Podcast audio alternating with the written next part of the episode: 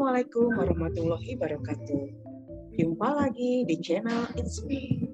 Apa kabar Sobat It's Me? Jumpa lagi. Sobat It's Me, gimana nih puasanya? Hari ini kita bertepatan hari kedua bulan puasa, bulan Ramadan. Semoga tetap semangat, sehat, dan bisa mengikuti puasa Ramadan hingga di akhir bulan. Ya, Sobat Isme, mungkin nanti sambil ngabuburit, sambil mengikuti uh, ibadah di bulan Ramadan, nggak uh, ada salahnya kita menikmati mungkin obrolan-obrolan positif yang kali ini saya akan menyajikan tentang yang sedang in, sedang trending, yang sedang banyak dibicarakan orang. Apa ya? Ya tentang uh, investasi bodong. Kalau kita bicara tentang investasi, tentu uh, sejak kita muda pengennya sih uh, ini ya memiliki investasi yang cukup, di mana nanti hari tua kita sudah nyaman, sudah tidak memikirkan apa pun. Nah, tapi sayangnya banyak sekali investasi ini yang justru uh, begitu banyaknya membuat kita bingung. Mana sih investasi yang sehat? Apalagi sejauh ini banyak orang yang ternyata kena atau mungkin terkena janji-janji uh, bohong. Ya, sobat Isme mungkin uh, mengikuti perkembangan berita ya. Belum lama ini kan uh, ditangkap uh, seorang apa mungkin ada beberapa orang yang berkaitan dengan investasi bodong. Nah, untuk membahas tentang ini saya sudah menghadirkan seorang narasumber yang mungkin kompeten untuk membahas ini karena ini berkaitan related juga dengan uh, sosial media. Ya, narasumber kali ini adalah Bang Riri Satria. Halo Bang Riri Satria, bagaimana kabarnya? Kabar baik Mbak Mei. Halo semua. Assalamualaikum warahmatullahi wabarakatuh. Ya, Sobat Ismay, walaupun Bang Riri Satria ini sudah kesekian kalinya uh, datang hadir di podcast Ismay, uh, tak ada salahnya saya membacakan lagi tentang biodata Bang Riri Satria. Ya, Bang Riri Satria ini adalah seorang dosen, ya, dosen ilmu komputer di Universitas Indonesia Selain itu, beliau merupakan pendiri dan CEO dari sebuah uh, perusahaan manajemen dan uh, di satu sisi dia juga masih ada kegiatan lagi beliau ada seorang komisaris ya di Jakarta International Terminal. Wow banyak sekali ya sobat Ismail. Tapi ada satu lagi yang mungkin belum saya sebut. Bang Deddy Satria ini adalah seorang penyair dan beliau juga adalah uh, seorang pendiri dan uh, redaksi dari uh, jagat sastra milenial. Now, banyak sekali mungkin profesi Bang Riri ini. Memang Bang Riri ini kalau uh, sobat Isme mengikuti apa uh, podcast saya dari awal, beliau merupakan orang yang serba bisa multi talenta ya. Bang Riri, uh, saya mengundang Bang Riri ini untuk bincang-bincang tentang investasi bodong. Karena selain mungkin topiknya sedang trending, karena ini juga Bang Riri, nah, saya berapa kali dapat ini ya Bang, dapat apa? Uh, tawaran by Telegram atau WA untuk investasi. Investasi dengan iming-iming kalau saya ingin uh, memberikan atau menyediakan uang sekian juta, maka hasilnya bisa berlipat ganda. Nah, tapi saya mikir-mikir nih, Bang, itu kira-kira kok hasilnya bisa berlipat ganda cepat banget gitu loh. Ini saya pikir investasi atau mungkin uh, apa judi atau mungkin bisa saja uh, dalam bentuk iming-iming yang lainnya gitu loh. Nah mungkin Bang Riri bisa menjelaskan kepada Sobat Isme apa sih bedanya mungkin investasi dan judi. Kita silakan Bang Riri. Terima kasih Mbak Mei dan uh, halo semoga uh, halo semua sahabat uh, It's May. Ini memang isu yang menarik gitu ya. Nah sebelum saya menjawab pertanyaan Mbak Mei, bedanya investasi dan judi, maka saya ingin membahas tiga instrumen keuangan dulu gitulah supaya kita paham bahwa ketika kita ingin uh, katakanlah uh, memanfaatkan jasa keuangan setidaknya ada tiga lebih mungkin ya. Yang pertama namanya tabungan. Yang kedua namanya deposito. Yang ketiga namanya investasi. Kalau tabungan, kita naruh uang kita di bank, katakan uang kita itu satu juta, maka dijamin satu juta itu tidak akan hilang satu juta itu tetap ada, tapi bank nanti akan memberikan bagi hasil kepada kita dalam bentuk bunga atau bagi hasil, tergantung ini eh, banknya bank konvensional atau bank syariah.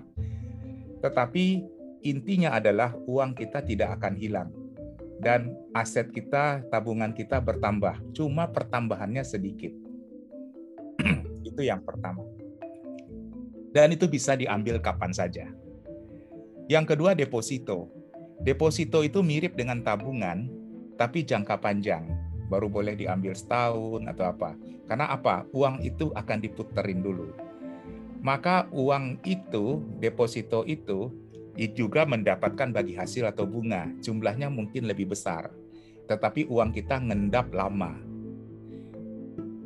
Apakah tabungan dan deposito itu mengandung risiko? Jawabnya ada.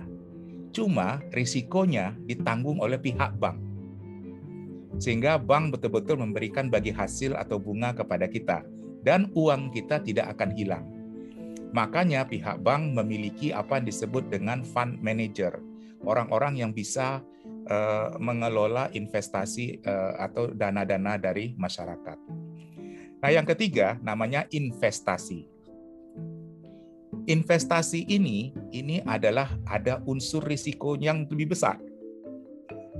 Artinya sama ketika kita membuka bisnis, kita membuka bisnis itu bisa jadi kita sudah modalin 100 juta, misalnya tiba-tiba bisnisnya kita tutup saya pernah mengalami hal seperti itu.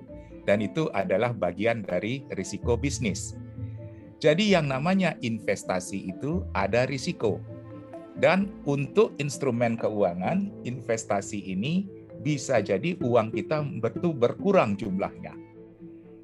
Gitu. Tapi bisa jadi uang kita bertambah demikian cepat. Ada kemungkinan itu. Artinya investasi ini lebih volatile berbeda dengan tabungan dan deposito yang lebih fix, yang lebih aman. Nah, kalau sahabat It's May itu suka main aman, saran saya ya sudahlah, tabungan dan deposito saja. Tapi kalau sobat It's May punya anu passion yang kuat untuk mengelola risiko, investasi itu baik. Nah, itu adalah investasi. Nah, sekarang kita bahas apa beda investasi dan judi. Gitu ya sesuai pertanyaan Mbak Mei tadi. Kalau investasi dan judi itu ada kesamaannya. Kesamaannya adalah sama-sama menggunakan prinsip probabilitas. Jadi kalau sahabat It's yang pernah belajar statistik dan probabilitas pasti eh, tahu tuh yang namanya ilmu peluang, ilmu probability. Gitu ya. Misalnya seperti contoh kasus kalau yang paling sering itu eh, jika sebuah dadu dilemparkan berapa peluang munculnya angka 2 berarti itu adalah satu per enam. Nah, jadi peluangnya satu per enam. Nah, jadi ada peluang. Sisanya lima per enam itu adalah kerugian. jadi ketepatan kita satu per enam, ada peluang. Dan kita tidak bisa apa-apa untuk sistem seperti itu. Kita tidak ada namanya mitigasi risiko dan sebagainya. Investasi juga begitu, ada peluang, gitu ya. Jadi dua-duanya menggunakan prinsip ilmu peluang tetapi apa bedanya? Bedanya investasi dengan judi. Kalau judi, kita tidak punya kontrol terhadap peluang itu. Bedanya dengan investasi adalah kita punya kontrol terhadap peluang itu. Kontrolnya dalam bentuk apa? Misalnya kalau kita investasi saham, itu ada kontrol analisis teknikal, analisis fundamental, itu kan ada ilmunya semua. Kemudian ada analisis risiko, begitu juga dengan falas ada analisis risiko, ada analisis tren, dan segala macam. Jadi yang namanya investasi itu ada kontrol terhadap peluang dan ada ilmu namanya manajemen risiko di mana kita bisa melakukan mitigasi risiko.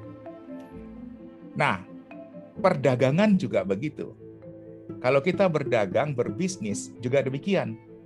Ada yang namanya analisis-analisis dalam bisnis. Juga ada kontrol terhadap risiko. Jadi itulah bedanya investasi dengan judi. Judi itu sama sekali kita tidak punya kontrol terhadap risiko. Misalnya kita kita lempar koin gitu ya, kita lempar koin. Ini eh, yang gambar burung atau angka gitu kan. Ini kan peluangnya 50-50 dan kita tidak punya kontrol terhadap apa yang muncul dan tidak ada analisis yang bisa kita pakai untuk terhadap yang muncul. Jadi itu betul-betul untung-untungan. Jadi benar-benar untung-untungan. Dan ketika dia benar-benar untungan dan tidak ada ilmu yang bisa mengcover itu, maka itu adalah judi. Tetapi ketika ada probability yang kita punya kontrol, kita punya ilmu, analisis segala macam, itu adalah bentuk dari investasi atau dalam bisnis.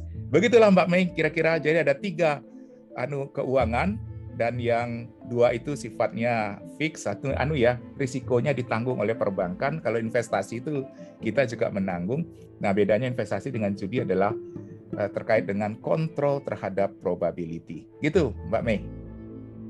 Ya, uh, Bang Riri menarik sekali Bang tentang apa perbeda, uh, membedakan judi dengan uh, investasi. Karena terkadang terus terang mungkin masyarakat termasuk saya ya masih minim informasi ya kadang-kadang apalagi iming-imingnya nih sekarang ini bang. Sudah tawaran kan gencar ya lewat tadi uh, lewat WhatsApp langsung. Saya nggak tahu dia dapat dari mana nomor kontaknya atau mungkin lewat Telegram. Iming-imingnya mungkin dengan tawaran keuntungan yang besar. Nah, mungkin kalau bagi orang awam dengan tawaran yang sedemikian besar kan ini menjadi sebuah ini ya, Bang, daya tarik tersendiri, ya, daya tarik tersendiri. Nah, uh, mungkin uh, ini Bang, belajar dari kasus yang baru saja terjadi, uh, terjadi di Nomo ya atau mungkin ada yang sejenis. Kira-kira lesson learn apa Bang yang mungkin bisa kita dapat dari kasus tersebut, Bang? Begini Mbak Mei, dengan definisi tadi maka kita bisa menilai yang ditawarkan oleh binomo ini sebenarnya investasi beneran atau judi yang dibungkus dengan nama investasi. Nah, kita harus uh, simak definisi tadi kan, bahwa kita harus punya kontrol terhadap peluang. Kalau kita lihat binomo itu kan binary options investment. Gitu ya, binary options dengan menebak harga aset segala macam, tapi dalam waktu yang terbatas. Dan kita sama sekali tidak ada analisis-analisis untuk itu. Dan waktunya juga terbatas, tidak ada perpanjangan, tidak ada options istilahnya kalau dalam investasi itu. Kalau investasi itu ada options istilahnya. Nah memang dalam binomo itu eh, eh, ada sih unsur-unsur investasi di dalam itu. Tetapi kalau kita lihat unsur untung-untungannya juga sangat besar. Gitu. Jadi sebenarnya apa yang terjadi dengan binomo itu menurut saya ya mungkin lebih banyak mengarah ke judi walaupun tidak sepenuhnya judi juga gitu. Nah, sebenarnya ini ya bang ya tadi kan ada unsur investasi ada unsur judi berarti ini ya bang mungkin perbedaannya itu tipis sekali bang jadi mungkin orang yang tidak punya pengetahuan apalagi masyarakat awam agak sulit kali ya bang ya membedakannya. Tidak? Betul sekali. Ini sangat tergantung kepada pengetahuan bagaimana mengontrol peluang itu. Ketika kontrol kita terhadap peluang itu minim, maka dia lebih mengarah ke judi. Walaupun walaupun kontrol itu ada dan itu sering dijadikan dalih bahwa ini investasi, tapi kalau kontrolnya minim itu sebetulnya lebih mengarah ke judi. Tapi kalau kontrolnya maksimal melalui manajemen risiko, maka itu bisa melalui itu disebut dengan investasi. Nah, tapi begini, mengapa uh, ini menjadi marak? Karena sebetulnya yang dimanfaatkan bukanlah analisis teknikal atau analisis uh, ilmu pengetahuan, bukan. Karena yang dipergunakan adalah faktor psikologis. Nah, ini yang menjadi problem kita, Mbak Mei. Ketika masyarakat itu pengen dia itu uh, mendapatkan keuntungan secara instan, kemudian tidak mau bersusah-susah, kemudian maunya cepat, dan we have problem dengan hal ini maka mereka yang seperti ini adalah sasaran empuk untuk jalan cepat menjadi kaya tanpa ada usaha. Kira-kira demikian, naruh duit segala macam. Nah, bagaimana memainkan jalan pikiran ini? Pertama, memainkan ada tiga yang dipergunakan. Yang pertama, memainkan kondisi psikologis dengan menyampaikan ini returnnya besar. Tidak ada kalau Mbak Mei lihat bahkan dalam proposal bisnis yang paling baik sekalipun tidak ada mereka membuat returnnya kecil semua optimis returnnya besar. Tetapi kan kita bisa melakukan analisis terhadap potensi-potensi risiko, apa iya seperti itu. Tapi kalau dikatakan returnnya besar, kita telan mentah-mentah, ya selesailah. Gitu. Yang kedua, menggunakan endorser, influencer. Dan influencernya dipakai orang-orang yang betul-betul dianggap crazy rich. Entah crazy rich beneran, entah crazy aja gitu ya. Entah itu cuma pamer, entah benar rich beneran kita nggak tahu. Tapi orang-orang ini akan di, di, dipakai sebagai endorser. dan itu akan membuat orang lain terpukau. Wow, gitu ya. Jadi mereka bisa. Gitu. Dan yang ketiga adalah yang ketiga, mereka itu akan melakukan pendekatan secara personal. Mbak Mei akan menerima WA dari mereka, akan menerima email gitu ya, personal betul. Gitu. Dan mereka juga sudah memprofiling Mbak Mei tentunya. Nah, inilah tiga hal yang uh, yang sebenarnya yang perlu diwaspadai oleh para sahabat It's May kalau ingin me, me, apa ya melakukan investasi. Hati-hati, return yang besar itu di dalam investasi ada namanya high risk high return. Kalau ada sebuah return yang dijanjikan semakin besar, maka secara tidak langsung juga dikatakan risikonya semakin besar. Jadi prinsip investasi itu high risk high return. Makanya kalau ingin return yang besar, kita harus manage risknya. Nah, maka ada ilmu manajemen risiko. Nah, itu yang pertama. Kemudian kalau menggunakan endorser, itu sudah faktor psikologis. Anda nggak akan bisa apa-apa, Mbak, kalau sudah tokoh idola, endorser yang menggunakan oh, udah ampun lah itu. Dan yang terakhir, personalized. Itu Mbak Mei yang dilakukan dan kita harus waspada, sahabat Ismay harus waspada. Ingat, investasi itu berisiko, dan investasi itu ada analisis risiko. Gitu kira-kira Mbak Mei. Ya, uh, Bang, mungkin ini juga Bang. Sebenarnya kasus-kasus investasi bodong ini kan uh, sudah sering terjadi ya Bang. Kalau dulu tuh ada misalnya uh, misalnya kayak ada orang uh, tabungan uh, menabung ya sekian rupiah haji dan sebagainya ternyata terus ada atau mungkin arisan online. Tapi mungkin yang membedakan saat ini karena mungkin dengan seiringnya kemajuan teknologi memanfaatkan yang namanya uh, endorser, influencer ya untuk uh, mendekati konsumen agar konsumen mungkin tertarik ya seperti itu. Mungkin kayak kalau fenomena dulu-dulu belum ada kan ya Bang ya? Uh, kalau kegagalan-kegagalan atau kasus-kasus dalam investasi begini ada dua tuh sebetulnya. Yang pertama adalah model investasinya sendiri. Yang kedua, pelaku atau pengelolanya. Nah, bisa saja investasinya itu baik sebenarnya, tapi pengelolanya yang kurang ajar. Duit oh, orang dibalari. Iya, iya, iya. Bisa juga kan? Iya. Gitu. Jadi kalau kita bikin matriks tuh ada uh, perilaku pengelola yang baik dan buruk, ada instrumen investasi yang baik dan buruk. Ketika uh, kita ber, mengatakan uh, perilaku pengelolanya baik, instrumennya baik, maka ini investasi yang patut dipilih. Gitu ya. Tapi kalau kita lihat kan ada investasinya baik, mungkin arisan atau apa gitu, bukan investasi sih nabung kalau arisan itu sebenarnya. Nah, kemudian uh, tiba-tiba pengelolanya lari bawa duit. Pengelolaan keuangan, instrumen keuangannya bagus, pengelolanya jelek atau bisa juga yang ketiga, gitu ya. Pengelolanya bagus, instrumen keuangannya jelek. Uh, mungkin ini uh, dalam beberapa kasus itu orangnya sebetulnya orang baik gitu ya, cuma naif gitu. Jadi mengelola hal-hal yang hal-hal yang tidak yang tidak baik gitu dan tidak tahu bahwa itu tidak baik gitu. Dan yang terakhir yang paling mengerikan adalah sudah pengelolanya jelek, kacau balau, bawa lari duit, investasinya, instrumennya kacau juga gitu. Jadi memang ada dua yang harus kita perhatikan. Yang pertama model investasinya atau model dari pengelolaan keuangannya karena nggak semuanya investasi loh mbak, bisa jadi itu tabungan. Oh iya iya. Jadi deposito. Kan instrumen keuangan ada tiga tadi, ada tabungan, ada deposito, ada investasi. Nah ini bagaimana pengelolanya? Jangankan untuk yang sekarang, yang dulu saja kalau kita punya deposito di bank dan ternyata pengelola bank itu brengsek, banknya tutup, duit kita juga amblas kan? Iya. Nah, jadi kita memang tidak hanya melihat instrumen investasinya, tetapi juga melihat reputasi dari pengelolanya. Nah itu Mbak Mei, supaya kita bisa. Uh, tapi begini, Ketika orang sudah memutuskan untuk berinvestasi, maka dia sudah memutuskan untuk mm, eh, apa mengambil risiko. Ini perlu dicatat. Tidak ada investasi yang tanpa risiko. Maka ketika orang sudah main ke investasi, maka ada risiko yang harus dia tanggung dan dia dirinya harus siap mengelola risiko, bahkan siap menerima risiko. Gitu, Mbak Mei. Ya, menarik Bang. Eh, tadi Bang Riri mengatakan ada faktor eh, reputasi. Nah, uh, di sini kan uh, mungkin dengan kemajuan media sosial, banyak pemilik uh, usaha investasi ini melakukan yang namanya flexing. Ya. Nah, apakah flexing ini juga berkaitan dengan agar masyarakat melihat image atau reputasi uh, si pemilik ini uh, positif dan menjadi dipercaya? Gimana, Pak?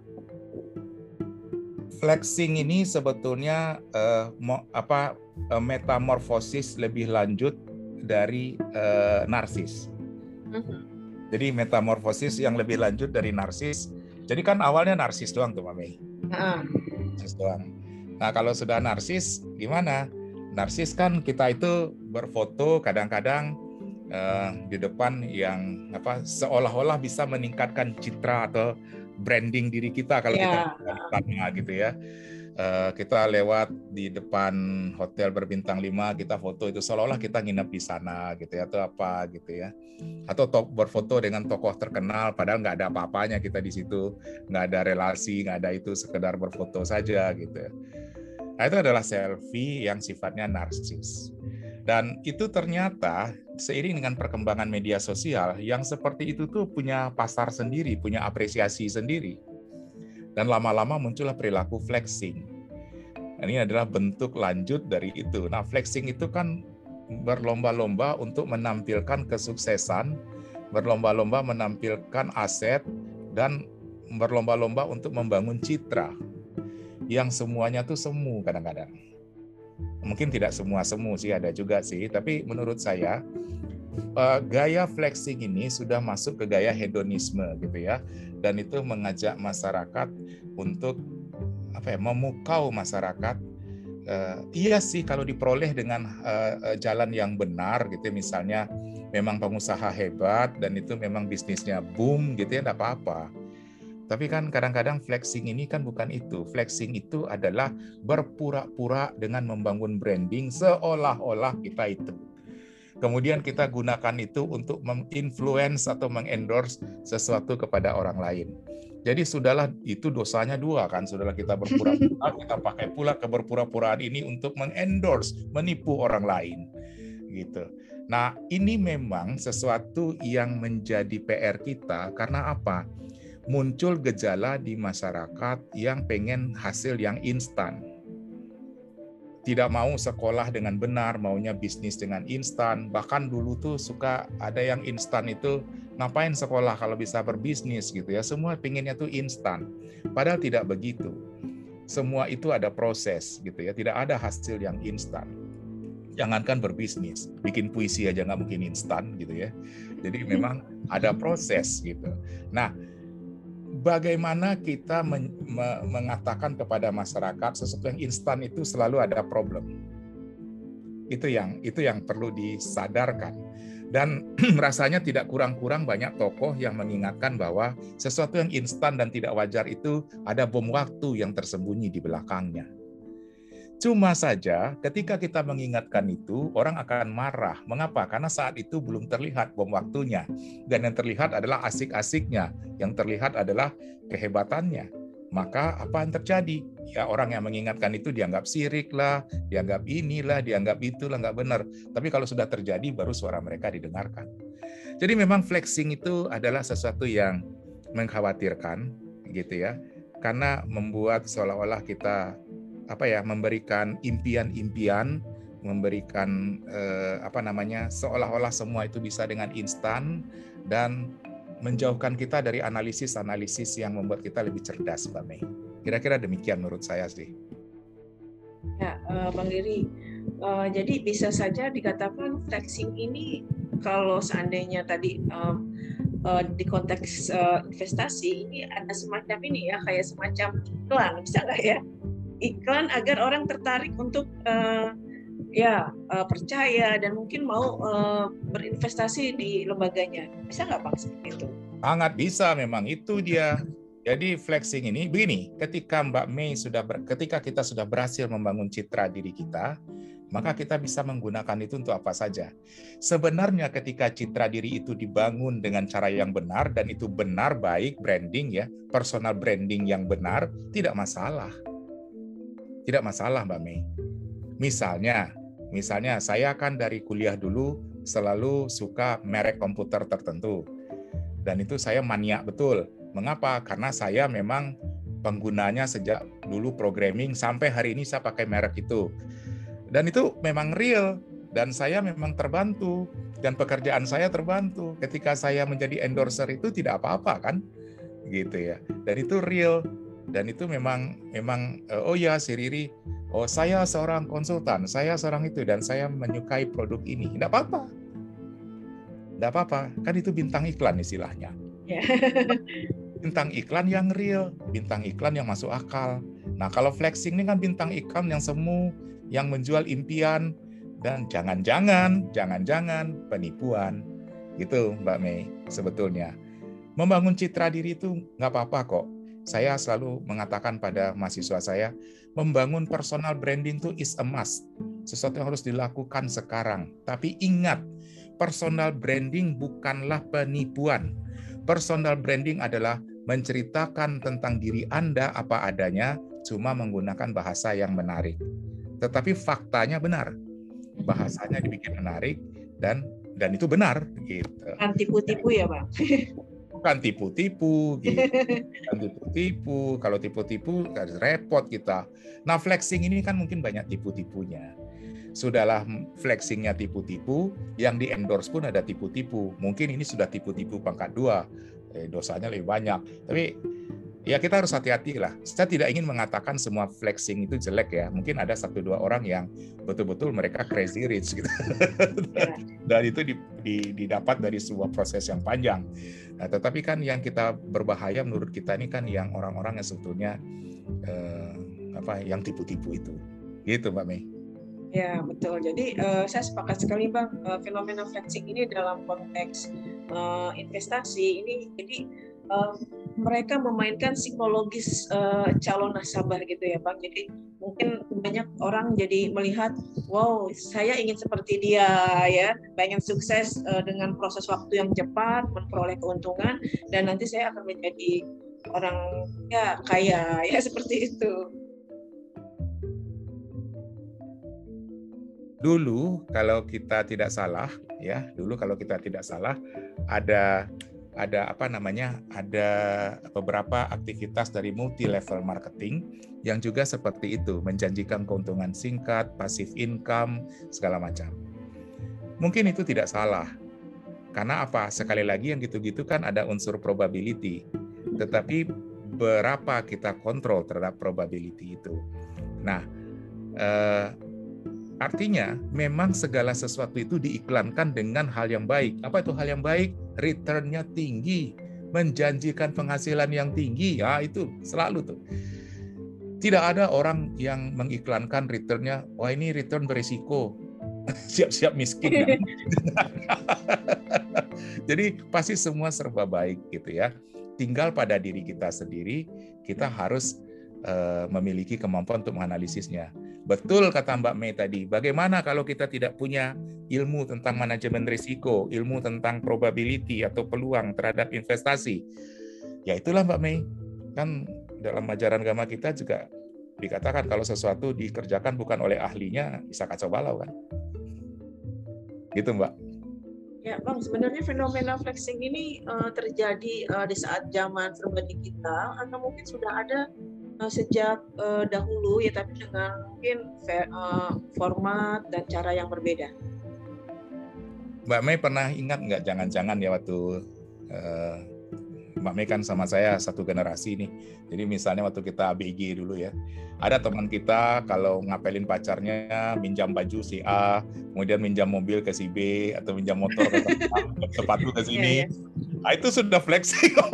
oh ya, tapi tidak menggunakan media ya bang ya? Tidak menggunakan media. Dia datang eh, ngapelin pacarnya, bawa motor, bukan motor dia, itu motor minjam.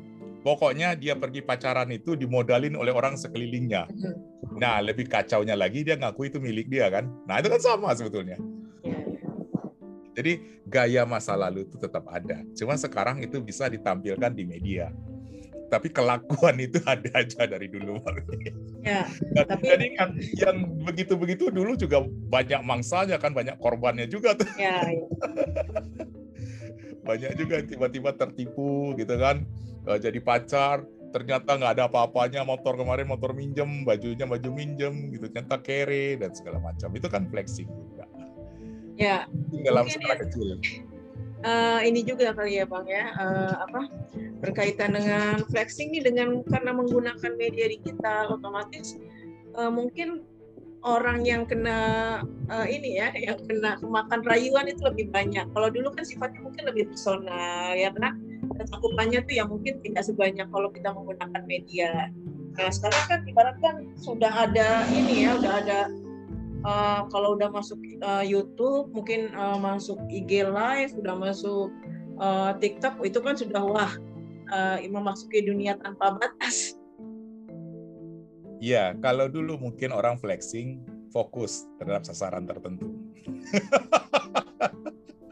kalau sekarang orang flexing kan dia ada namanya menyebar radar dulu untuk sasaran. Tapi jangkauannya lebih luas jangkauan lebih luas. Nah, tapi tetap saja kalau udah ada yang nyangkut satu dua tiga dia akan fokus ke itu. Ya, menurut saya ya kalau basic perilakunya sudah ada dari dulu sih Mbak Mei.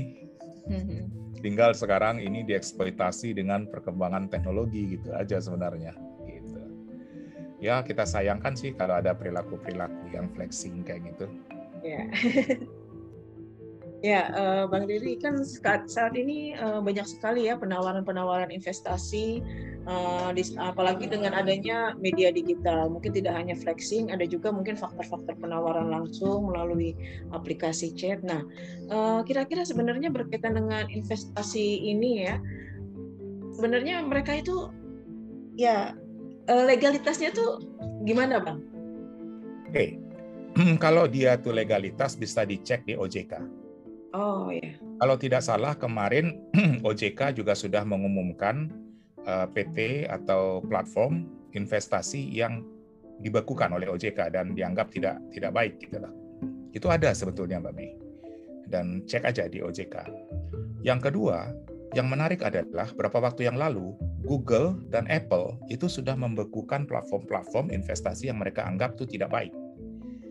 Jadi kan dulu kan ada platformnya bisa kita download dari Google uh, sama Apple kan, gitu bisa kita install di Android kita atau di iPhone kita. Nah sekarang Google dan Apple kemarin kalau dibaca di berita tuh sudah mulai membekukan yang dianggap buat mereka itu uh, tidak benar gitu. Dan kemudian itu yang internasional ya bang? Atau ada juga yang lokal? Tidak tahu saya, tapi internasional. Oh. Kemudian kalau di Indonesia kan ada OJK. Nah OJK itu sudah mengeluarkan itu Nah, sudah membekukan itu. Tetapi tetap saja kan begini, yang baru itu selalu bermunculan kan. Kadang-kadang yang iya. baru ini kan bermunculan belum belum sempat dievaluasi oleh OJK, dia sudah memakan korban dulu. Mm-hmm. Tetap akhirnya kendali itu ada di diri kita. Kita punya ilmunya nggak? Maka ketika kita ingin melangkah melakukan sesuatu kan pastikan kita punya ilmunya. Atau kalau tidak, kita pakai orang yang bisa dipercaya untuk menasehati kita namanya konsultan kan yang terpercaya.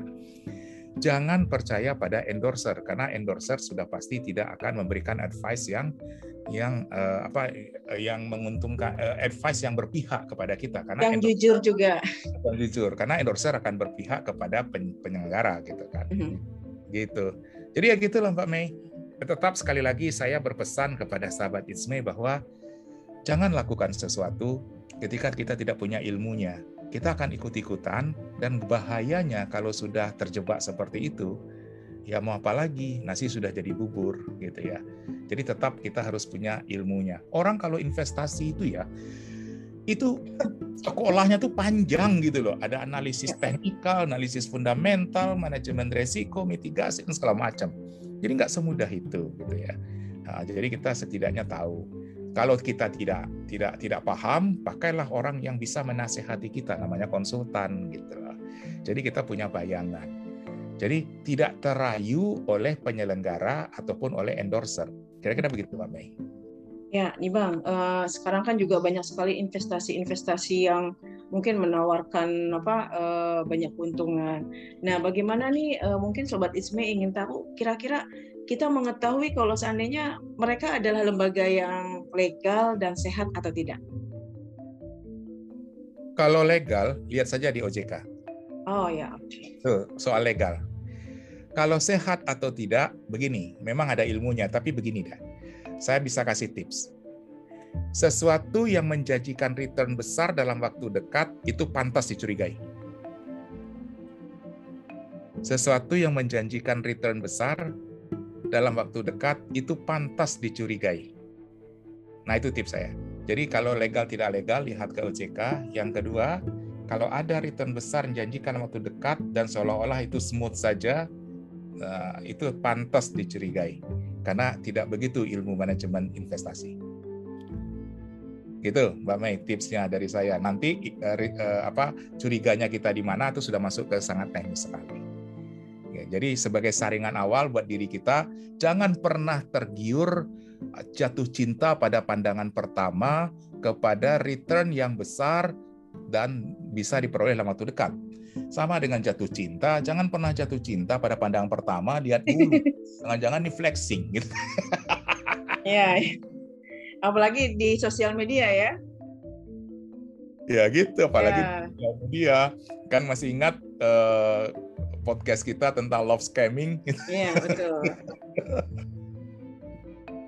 Ya, uh, Bang Riri, uh, mungkin uh, berkaitan dengan ini ya, uh, begitu banyak kasus-kasus. Sebenarnya uh, pemerintah itu sudah menyiapkan tadi adanya OJK.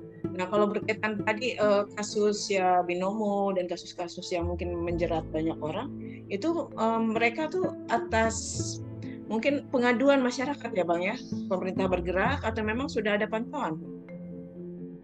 Dalam kasus seperti ini, dua-duanya berjalan yang oh, iya. pertama, penegakan hukum itu dilakukan atas pengaduan masyarakat.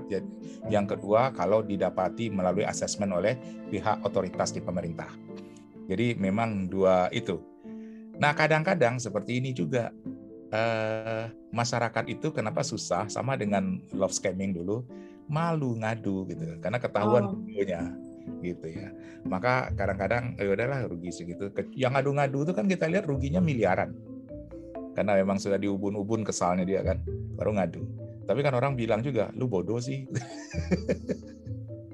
Yeah. nah kadang-kadang lucunya tahu nggak? Kadang-kadang lucunya Mbak Mei. Ini kejadian juga ada namanya flexing korban.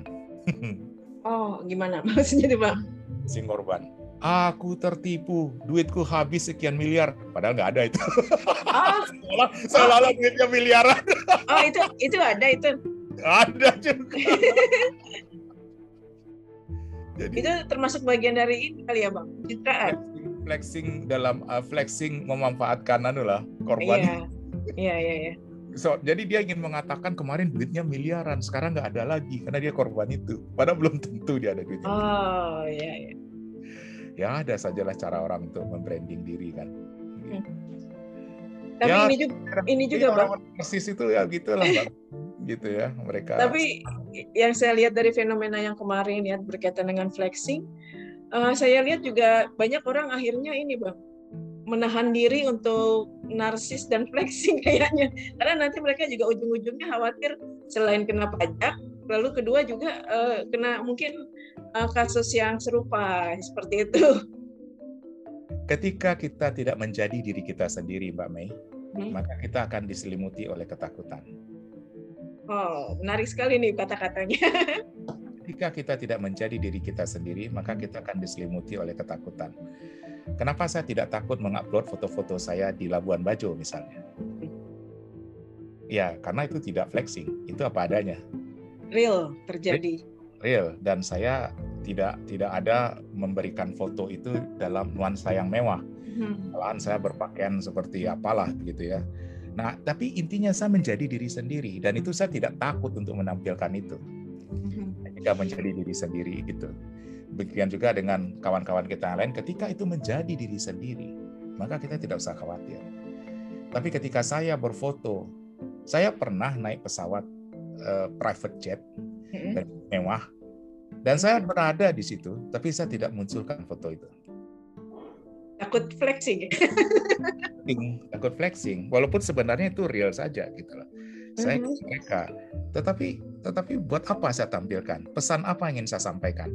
Juga tidak ada pesan yang saya sampaikan. Berbeda ketika saya menampilkan foto Labuan Bajo. Saya punya pesan menampilkan bahwa inilah adalah destinasi wisata Indonesia yang sekarang lagi naik daun. Ini loh situasinya, ini loh keindahannya. Ada misi di situ. Tapi kalau saya menampilkan foto lagi di private jet, apa yang mau saya sampaikan? Yeah. Lain cuma mau menggaya-gaya gitu ya dan membuat uh, dengan sengaja membuat orang lain terkagum-kagum gitu ya. Kan gawat itu kalau seperti itu. Jadi ketika kita tidak menjadi diri kita sendiri, maka kita menjadi tidak nyaman. Gitu. Ya. Uh, masih tentang flexing nih bang. Uh, apa banyak sekali masyarakat kita yang apa kayaknya sepertinya termakan ya, termakan bujuk rayu atau mungkin terlena dengan uh, pesona mereka yang melakukan flexing. Nah ini mungkin berkaitan dengan ini nggak ya bang? Mungkin mereka melihat uh, uh, kehidupannya kehidupan yang serba wah itu sebagai sebuah impian padahal mereka mungkin nggak tahu kenyataannya ya seperti itu ini berkaitan dengan mungkin tingkat pendidikan atau mungkin kurangnya pemahaman mereka tentang uh, literasi ya literasi kehidupan yang sebenarnya gitu loh bang gimana bang kalau menurut saya itu udah kombinasi semuanya mbak Mei oh, ya. pertama ada keinginan untuk mendapatkan impian tapi hmm. tidak kesampaian atau gimana gitu ya. Yang kedua ingin dipuja-puji orang, memang dari sana dasarnya narsis, tidak mau kalah dengan orang lain. Itu sudah menyatu semuanya hal seperti itu. Dan kalau sudah menyatu, perilaku sudah menyatu dan kalap, kelakuan apa apa saja bisa muncul kan, gitu. Jadi menurut saya orang-orang seperti itu cukup kalap gitu, eh, melihat bahwa wah nggak mau kalah itu. Ya, ya seperti itulah Mbak Mi. Dan apa namanya? Kalau seandainya mereka lakukan itu untuk diri sendiri dan tidak ada kepentingan lain sih silakan aja tuh urusanmu gitu kan. Tapi kalau itu dipakai untuk soal branding dan kemudian di, menggunakan itu untuk nipu orang, nah itu yang berbahaya. Gitu. Kalau mau flexing sendiri, mau gaya sendiri, mau dianggap orang hebat ya serah gitu ya. Paling bagi yang mengerti mentertawakanmu, bagi yang tidak mengerti mengagumimu kan itu saja di dunia ini. Jadi sebenarnya ini ya bang, uh, kalau kita memang mau tampil di media sosial, pasti kita juga harus siap dengan segala macam persepsi dan opini ya seperti itu ya.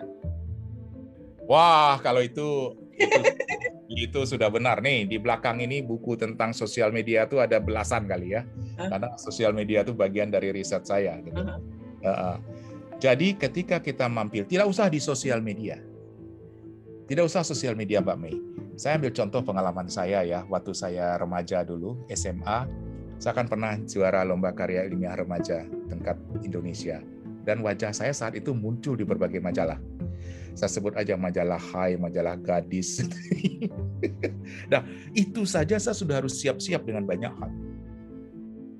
Itu padahal tidak ada teknologi saat itu kan. Masih media konvensional ya. Media konvensional gitu. Dan itu namanya fitnah, yang namanya hoax itu sudah bertebaran saat itu. Jadi saya sudah terlatih menghadapi fitnah dan hoax itu sejak SMA.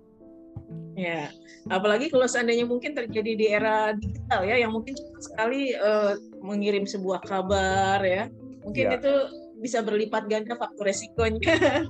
Betul sekali. Jadi kita harus siap. Ketika kita tampil di permukaan lewat media apa pun, maka kita harus siap tetapi kalau kita tidak tampil, kita juga tidak diketahui orang. Hmm. Kalau dalam bisnis malahan tidak ada transaksi bisnis. Yeah. Contohnya Mbak Mei, ketika kita membuat kurikulum vitae dan surat lamaran kerja, itu kan kita mempromosikan diri kita juga. Yeah. Tetapi mempromosikan dengan cara yang baik, cara yang benar gitu kan dan apa adanya sesuai fakta. Tapi ketika kita mempromosikan diri kita tidak benar, kita sekolah S1 dibilang S2 kan nggak mungkin juga. Yeah. Nah flexing itu kan begitu, tapi kepada ruang publik gitu. Jadi eh, yang tidak benar tentang dirinya itu ditampilkan. Jadi memang kalau memang tampil di media sosial itu siap. Benar pun kita bisa jadi dicap tidak benar gitu. Karena begini, eh, kita mendapatkan sebuah prestasi atau pencapaian dengan cara yang benar tapi kan kita tidak bisa membendung rasa iri dari orang lain yang menganggap uh, mereka mungkin tahu itu benar, tapi kan mereka akan menggunakan itu sebagai apa namanya memukul kita dan memberikan fitnah, hoax dan segala macam. Bisa saja. Dan itu adalah namanya dalam Mbak Mei lebih tahu kan ada bedanya antara negatif campaign dengan black campaign. Ya. Nah, negatif campaign memang mengangkat sisi negatif tapi ada fakta negatifnya. Hmm. Tapi kalau black campaign itu kan menebar hoax. Hmm. Nah, itu bisa saja terjadi dalam skala kecil kepada diri individu kita buat saya pribadi Mbak Mei, saya udah kenyang yang namanya hal seperti ini. Banget banget. Jadi saya setengah tuh kadang-kadang udah merasa kebal dengan hal-hal seperti itu. Gitu. Gitu Mbak Mei. Iya. Ya, uh, Sobat Isme, memang berkaitan dengan flexing, ini adalah fenomena menarik ya Sobat Isme, terlepas itu mungkin terkait dengan faktor investasi atau juga uh, bila dikaitkan dengan kehidupan kita sehari-hari. Mungkin karena tanpa sadar uh, kita terbiasa narsis, eksis ya uh, di suatu tempat, kita ingin dikasih tahu orang, kita ada di sana ya. Tapi ini ternyata bisa menjadi sebuah alat atau tool untuk melakukan uh, sebuah promosi terhadap sebuah investasi ya. Uh, sungguh menarik ya sobat Isme. Tapi ternyata saat ini dengan ada uh, dengan peristiwa yang terjadi saya lihat ada faktor positifnya. Semoga uh, bisa ini ya selanjutnya seperti itu di mana mungkin ada ini semacam mungkin memikirkan lagi ya untuk melakukan flexing karena kaitannya nanti ke pajak ya akan dicek oleh uh, dinas pajak atau mungkin nanti uh, flexing yang berkaitan dengan uh, ini apa faktor ya kasus-kasus uh, investasi yang kesehatannya mungkin masih dipertanyakan. Ya, Bang Riri mungkin menutup bincang bincang-bincang kita kali ini. Saya beri kesempatan kepada Bang Riri untuk memberikan sepatah uh, dua kata kata tentang mungkin yang berkaitan dengan investasi atau berkaitan dengan fenomena flexing ini. Silakan Bang Riri. Baik, terima kasih Mbak Mei. Yang pertama, instrumen keuangan itu yang bisa kita pergunakan sebagai orang awam setidaknya ada tiga. Yang pertama adalah tabungan, kedua deposito, yang ketiga investasi. Ada di luar itu, tapi udahlah tiga itu yang paling banyak dipergunakan. Yang kedua, investasi mengandung risiko. Tetapi yang membedakan investasi dengan judi adalah kontrol kita terhadap peluang. Investasi dan judi dua-duanya bersandar kepada teori peluang tapi judi kita tidak memiliki kontrol terhadap peluang, sementara untuk investasi kita memiliki kontrol terhadap peluang melalui berbagai analisis. Khususnya misalnya untuk analisis saham ada analisis fundamental, teknikal dan sebagainya. Ada ilmu manajemen risiko di sana. Yang ketiga, hati-hati untuk menerima sesuatu yang menjanjikan wah besar dalam waktu singkat. Karena sesuatu yang wah dan diperoleh waktu singkat begitu mudahnya, hati-hati bisa jadi itu jebakan. Yang berikutnya, yang keempat, hati-hati sahabat Isme, jangan sampai melakukan sesuatu di mana kita tidak ada ilmunya. Nanti kita bisa terjebak. Dan yang terakhir adalah terkait dengan flexing, narsis, dan segala macam, saya punya pesan. Ketika kita tidak menjadi diri kita sendiri, maka kita tidak akan nyaman. Begitu, Mbak Mei. Terima kasih.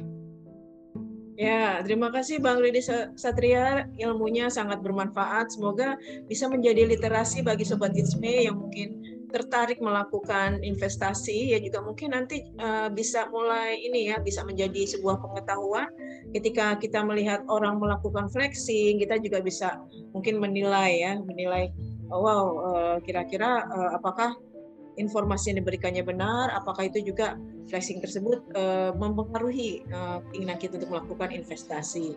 Ya, Sobat Isme, semoga bermanfaat. Salam sehat, salam literasi. Jumpa lagi di topik yang berbeda. Salam, terima kasih Bang Riri. Terima kasih. Assalamualaikum. Salam.